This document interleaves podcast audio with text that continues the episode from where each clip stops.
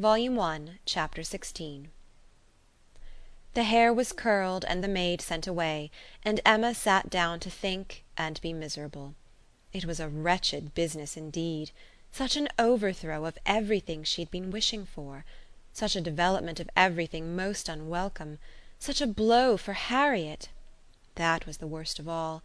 Every part of it brought pain and humiliation of some sort or other; but compared with the evil to Harriet all was light; and she would gladly have submitted to feel yet more mistaken, more in error, more disgraced by misjudgment than she actually was, could the effects of her blunders have been confined to herself. "If I had not persuaded Harriet into liking the man, I could have borne anything. He might have doubled his presumption to me. But poor Harriet! How she could have been so deceived! He protested that he had never thought seriously of Harriet never.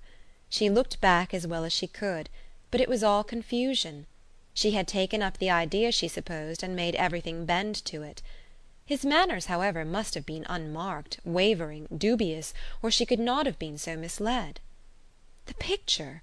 How eager he had been about the picture! And the charade, and an hundred other circumstances, how clearly they had seemed to point at Harriet!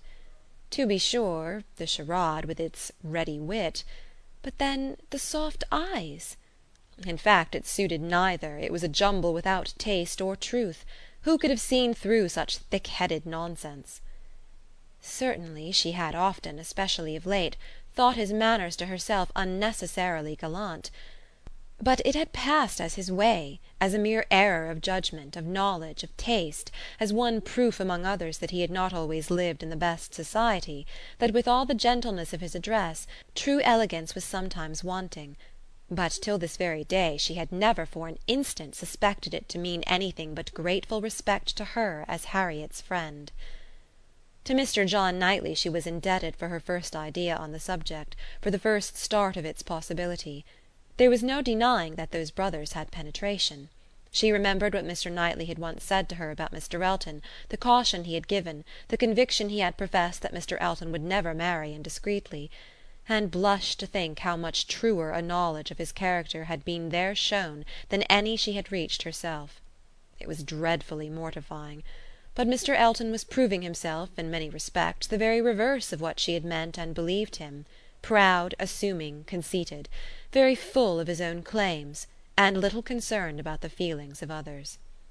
Contrary to the usual course of things, Mr. Elton's wanting to pay his addresses to her had sunk him in her opinion. His professions and his proposals did him no service. She thought nothing of his attachment, and was insulted by his hopes. He wanted to marry well, and having the arrogance to raise his eyes to her, pretended to be in love; but she was perfectly easy as to his not suffering any disappointment that need be cared for. There had been no real affection either in his language or manners.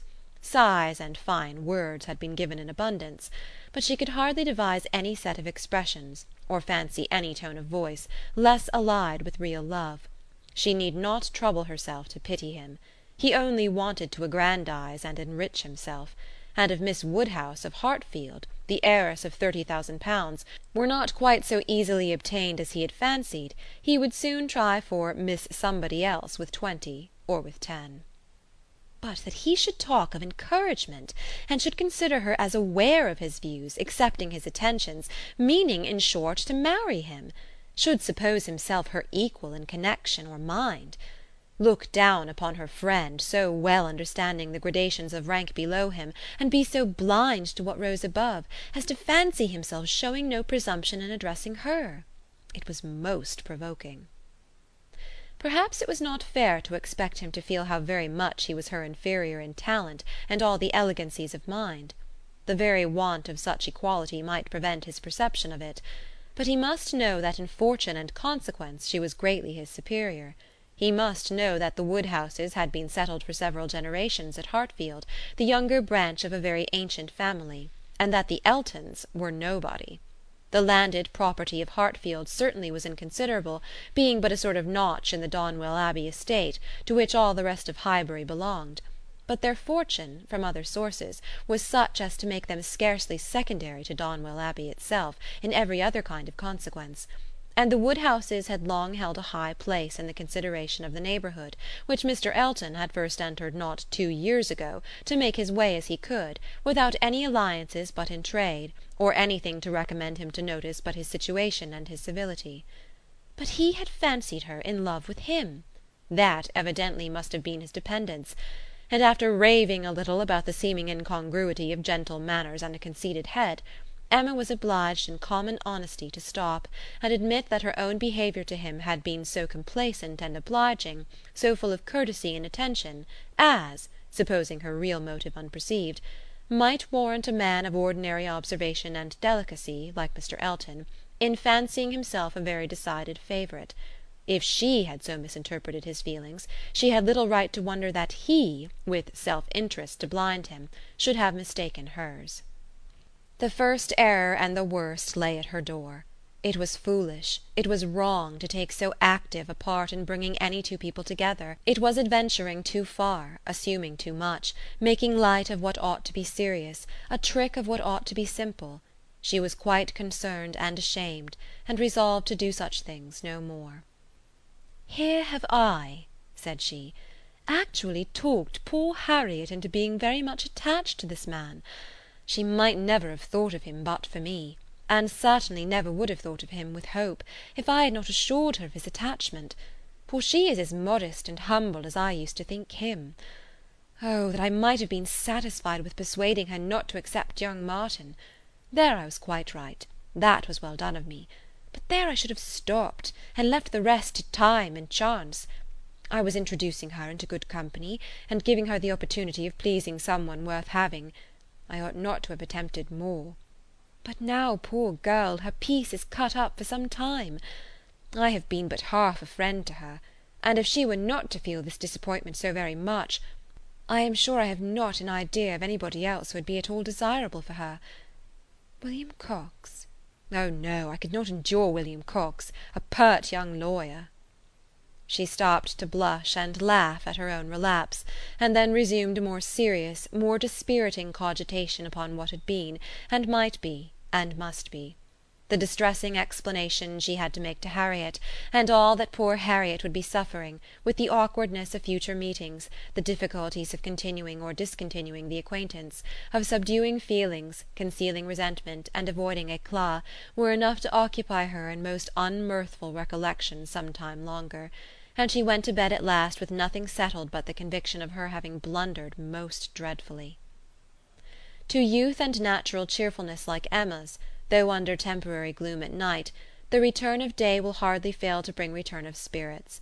The youth and cheerfulness of morning are in happy analogy, and of powerful operation; and if the distress be not poignant enough to keep the eyes unclosed, they will be sure to open to sensations of softened pain and brighter hope. Emma got up on the morrow more disposed for comfort than she had gone to bed, more ready to see alleviations of the evil before her, and to depend on getting tolerably out of it.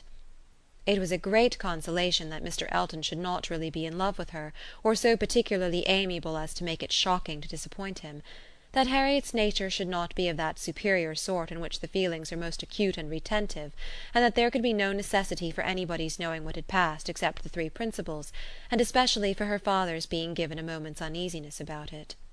These were very cheering thoughts, and the sight of a great deal of snow on the ground did her further service, for anything was welcome that might justify their all three being quite asunder at present. The weather was most favourable for her though Christmas Day she could not go to church. Mr. Woodhouse would have been miserable had his daughter attempted it, and she was therefore safe from either exciting or receiving unpleasant and most unsuitable ideas. The ground covered with snow, and the atmosphere in that unsettled state between frost and thaw, which is of all others the most unfriendly for exercise, every morning beginning in rain or snow, and every evening setting in to freeze, she was for many days a most honourable prisoner no intercourse with Harriet possible but by note, no church for her on Sunday any more than on Christmas Day, and no need to find excuses for Mr. Elton's absenting himself. It was weather which might fairly confine everybody at home, and though she hoped and believed him to be really taking comfort in some society or other, it was very pleasant to have her father so well satisfied with his being all alone in his own house, too wise to stir out, and to hear him say to Mr. Knightley, whom no weather could keep entirely from them. Ah, Mr. Knightley, Why do you not stay at home like poor Mr. Elton?"